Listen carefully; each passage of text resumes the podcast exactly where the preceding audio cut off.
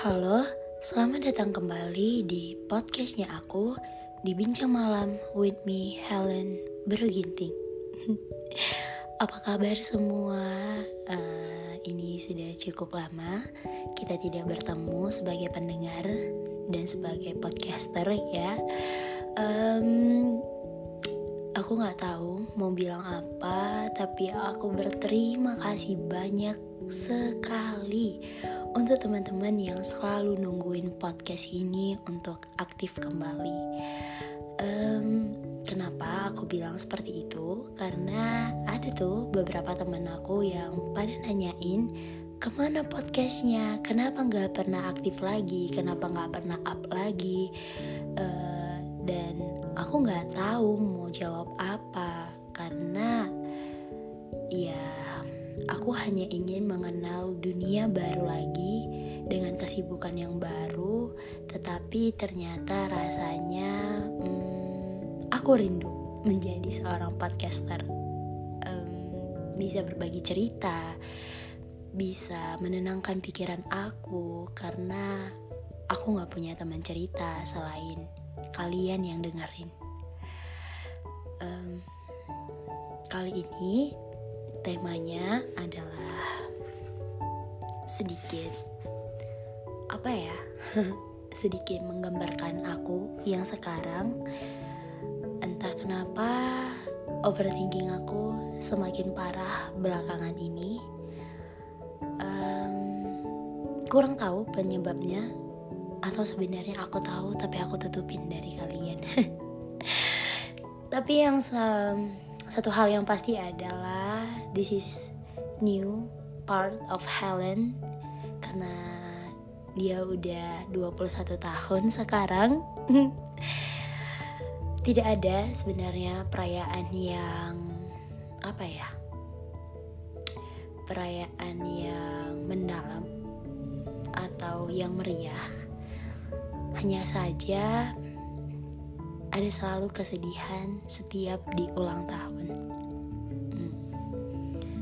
Tuh tema ulang tahun aku um, turut berduka cita.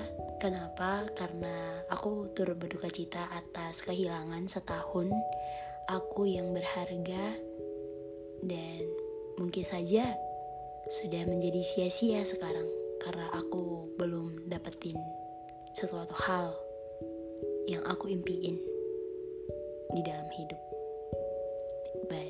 It's okay, mungkin gak jalannya. Dan mungkin emang belum waktunya. Tapi satu hal yang pasti tahun depan aku gak bisa coba atau daftar ke tempat apa yang aku mau. Dan itu ngebuat aku semakin jatuh dalam overthinking. Dan sekarang tuh aku ngerasa aku pengen sendirian dan pengen nggak usah ada orang yang mengganggu aku. Aku pengen cuman hanya ada aku dan diriku. Yang aku kira ternyata selama ini semua akan baik-baik aja ketika ada teman-teman di samping aku. Tapi ternyata itu adalah pilihan yang salah. Karena itu nyakitin diri aku sendiri. Aku nggak bisa luapin perasaan aku.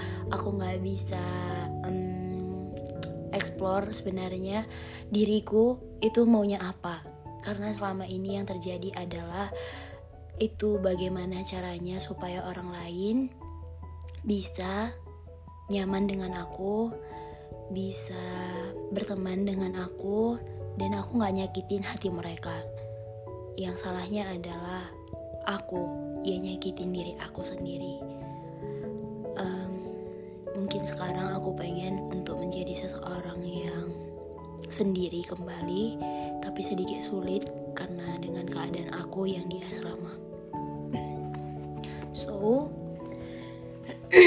agak maaf karena aku lagi bandeng suaranya tapi kali ini aku bakalan ngebahas atau ngebacain juga dari bukunya Alvin Sharin. Oh iya, uh, Alvin Sharin tuh baru ngeluarin buku tahu dan aku minta sama teman aku untuk itu adalah menjadi salah satu kado ulang tahun aku ke dia karena dia tanya. Dan stay tune aja kita bakalan ngebahas buku itu bersama-sama dengan kalian. Tapi yang kali ini aku hanya membahas mengenai loneliness is my best friend yang di mana episode sebelumnya juga ngebahas tentang uh, buku ini gitu. Cuman beda subtema aja kali ini. Um, menyenangkan untuk menjadi salah seorang yang ingin selalu sendiri terutama aku. Karena emang basicnya sebenarnya aku sukanya selalu sendirian e, ngelakuin sesuatu hal itu selalu sendirian. Kalau bisa aku tidak merepotkan orang lain. Tapi ternyata ketika aku sendirian overthinking aku itu semakin merajalela di dalam diri aku. Yang ngebuat aku banyak ngalamin hal yang menyakitin diri aku sendiri yang di mana aku selalu memutuskan untuk berada di antara orang banyak tetapi ternyata itu menyakiti diri aku sendiri. Jadi aku nggak tahu aku harus bertemu dengan orang banyak atau sendirian. Aku selalu bingung dengan dua hal itu. Ketika aku sendirian, aku merasa tenang, tetapi ada beberapa kejadian yang selalu nyakitin diri aku sendiri, yang di mana ketika overthinking menyerang, dan penyakit aku kambuh. Tapi kalau misalnya aku bersama orang-orang, aku selalu nutupin segala perasaan yang aku punya dan akhirnya itu juga ngebuat penyakit aku kambuh. Jadi aku nggak tahu aku harus seperti apa. Untuk sekedar cerita, mungkin aku ingin. Tapi aku tahu cerita aku itu hanya cerita yang biasa saja yang ya nggak perlu kali ya semua orang dengerin cerita itu karena setiap orang punya masalahnya masing-masing dan menurut aku masalah aku itu tidak seberat masalah yang mereka hadapin jadi aku selalu menuntut diri aku untuk selalu bersyukur. Nah karena itulah subtema kali ini dari bukunya Alvin Sharin mengenai Loneliness is my best friend adalah Masalahnya saat aku sendiri aku overthinking dan dia menyerangku. Itu terdapat di pada bab 38. Dan here we go. Aku bakal bacain ke kalian apa isi bukunya. Masalahnya saat aku sendiri dan aku terlalu sibuk dengan ponselku, aku selalu memperhatikan setiap kali aku terlalu lama scrolling media sosial, somehow aku terlihat cenderung lebih rapuh, overthinking, dan kecemasan itu jadi lebih rentan datangnya. Tahu nggak kenapa? Karena ketika aku sibuk scrolling media sosial, badanku tuh nggak gerak, otakku tuh juga nggak mikir. Karena emang benar-benar pasif. Dan saat kita melakukan hal-hal pasif seperti itu, wajar saja suara overthinking dalam benak kita itu aktif lagi. Kan kita pasif tuh. Maka beberapa hal yang lain itu menjadi aktif karena kitanya pasif. Jadi saat aku sedang sendirian, tolong ya aku jangan terlalu banyak bermain dengan ponselku. Coba deh aku tuh nyobain beberapa hal yang positif, yang aktif, yang membuat aku bergerak dan berpikir. Hal yang membuat bergerak seperti beres-beres, olahraga, atau caranya itu kalau misalnya nggak tahu, lihat deh video workout di YouTube. Itu seru banget tahu. Atau enggak, hmm, buangin barang-barang yang nggak perlu, atau rapiin lemari, jalan kaki ke supermarket terdekat, atau apa pun yang membuat aku bergerak. Dan kamu juga bergerak. Dan hal-hal yang berpikir, contohnya itu seperti membaca buku, belajar, menulis jurnal, mengerjakan tugas, dan kerja. Ponsel menghubungkanmu dengan dunia luar tapi juga mengisolasimu dalam kesepian. Jadi coba deh, dominasi hari-hariku dan kamu dengan hal-hal yang aktif. Namun, kalau kamu sudah melakukan hal-hal aktif tetap gak ada perubahan, atau kamu bahkan sangat kesulitan untuk melakukan hal-hal aktif tersebut, seeking a professional help one heart itu juga hal aktif loh. So, jangan terlalu jangan terlalu terbuka, jangan terlalu tertutup, jangan terlalu dekat, dan jangan terlalu baperan. Yap, itu adalah isi buku dengan subtema Ketika aku sendirian ternyata overthinkingnya nyerang dari Alfi Charin hmm, Insecure terbesar aku itu adalah berasal dari dunia media sosial Atau bisa dibilang medsos Kenapa? Karena basicnya teman-teman aku tuh pada pengguna medsos yang sama seperti aku dan mereka semua rata-rata berada di atas aku. Mulai dari prestasi, mulai dari sekolah, mulai dari hal-hal yang mereka dapetin itu, aku selalu ngerasa mereka di atas aku. Yang ngebuat aku lupa tentang diri aku yang sekarang itu harus bersyukur tentang apa yang aku punya. Banyak juga kok yang pengen kehidupannya itu sama seperti aku pengen punya keluarga yang utuh, yang bisa dengerin cerita aku, pengen punya teman-teman yang sportif, maybe, atau pengen sekolah di tempat aku sekolah sekarang. Tapi aku selalu lupa tentang hal itu. Aku selalu ingin seperti teman-teman aku yang lainnya yang hidup di media sosial dengan sebegitu menyenangkannya. Dengan prestasi yang dia punya, dengan segala hal yang dia punya, membuat aku iri dan insecure ketika aku tidak memilikinya. Yang di mana pada akhirnya aku terlalu memaksa diriku untuk sama seperti mereka. Dan aku lupa, aku punya kehidupan aku sendiri. Hmm, cukup parah sih.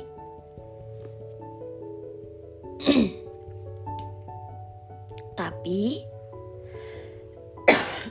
temen aku selalu bilang, maaf, soalnya aku rada batuk.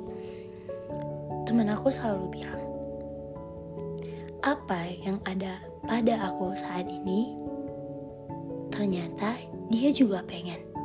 Dia juga ingin sama seperti aku. Tapi aku bertanya, kenapa? Kenapa kamu mau jadi seperti aku? Aku gak punya apa-apa. Aku hanya bisa menjadi seseorang yang dipaksa untuk menjadi seseorang. Bahkan di tempat yang sekarang, aku tidak menginginkannya sama sekali. Aku membenci hal itu. Tapi dia bilang, hmm, kamu lupa. Kamu juga punya prestasi tapi salahnya, kamu tidak mengembangkannya. Aku jawab lagi, hmm, prestasi. Prestasi seperti apa? Aku tak punya prestasi sama sekali. Terakhir pun aku mencetak juara itu di SMA. Dan itu sudah lama banget dari hari ini. Baru dia bilang, hmm, mungkin kamu lupa Coba deh, ingat-ingat. Hah? Ingat-ingat. Apa yang perlu aku ingat? Tidak ada. Lalu dia menjawab lagi. Hmm, tandanya kamu memang tidak mengapresiasi diri kamu sendiri. Kamu berprestasi tahu dalam hal kamu bisa memecahkan setiap masalah di dalam diri kamu kamu selalu cari hal positif untuk membuat kamu tidak kesepian. Lalu aku menjawab, "Tidak, aku tidak seseorang yang seperti itu." Bahkan aku selalu merasa aku tidak pernah menyelesaikan masalahku. Lalu dia menjawab, "Mm -hmm, tidak Helen, kamu sudah berhasil. Hanya saja kamu tidak mengapresiasi diri kamu. Hmm? Aku jawab, kamu aneh. Kenapa jadi kamu yang tahu diriku? Lalu dia bilang, hmm, emang, emang orang yang tidak mengapresiasi diri sendiri itu terlihat seperti kamu yang sekarang. Kamu ingat, kamu punya podcast, ya kan? Kamu punya podcast, dan tidak semua orang bisa merangkai kata-kata sama seperti kamu yang berbicara sendirian, dan semuanya tertata dengan rapi. Dan orang lain suka dengan podcast kamu, betul? Lalu aku menjawab, Hmm, iya sih. Tapi aku yakin orang lain juga bisa. Lalu dia bilang, tidak, orang lain tidak bisa. Kalau misalnya orang lain bisa, dia bakalan buat podcast sama seperti kamu. Atau dia punya niatan untuk membuat podcast seperti kamu. Tahu? Dan hal itu membuat kamu menjadi nomor satu dibandingkan orang-orang yang lainnya. Mungkin saja kamu ngerasa kamu tidak didengerin seperti banyak-banyak podcast di luar sana yang sudah terkenal seperti Rintik Seduh dan lain-lain. Tapi ada yang dengerin kan? Hmm, iya sih, emang ada yang dengerin. Dan mereka juga bersyukur ketika mendengarkan podcast aku, mereka mendapatkan secuil manfaat. Tuh, bener kan yang aku bilang? Mm-hmm. Untuk hal itu, aku bersyukur. Lalu dia menjawab lagi. Itu adalah bagian kecil di dalam kehidupan kamu yang kamu tidak sadari orang lain ingin seperti kamu. Jadi, untuk apa overthinking? Untuk apa insecure? Kalau kamu bisa menjalani hari ini dengan baik. Setelah dari saat percakapan itu, mungkin aku mendrama apa ya, mendrama uh, aku lupa mau bilang apa, tapi kayak uh, aku membuat memang se ada tambahan bumbu-bumbu dalam percakapan itu tapi intinya adalah seperti itu. Uh, di situ aku sadar ternyata I have many talent to show who I am. Kayak aku bisa nunjukin banyak hal ke orang di luar sana yang di mana orang lain gak punya.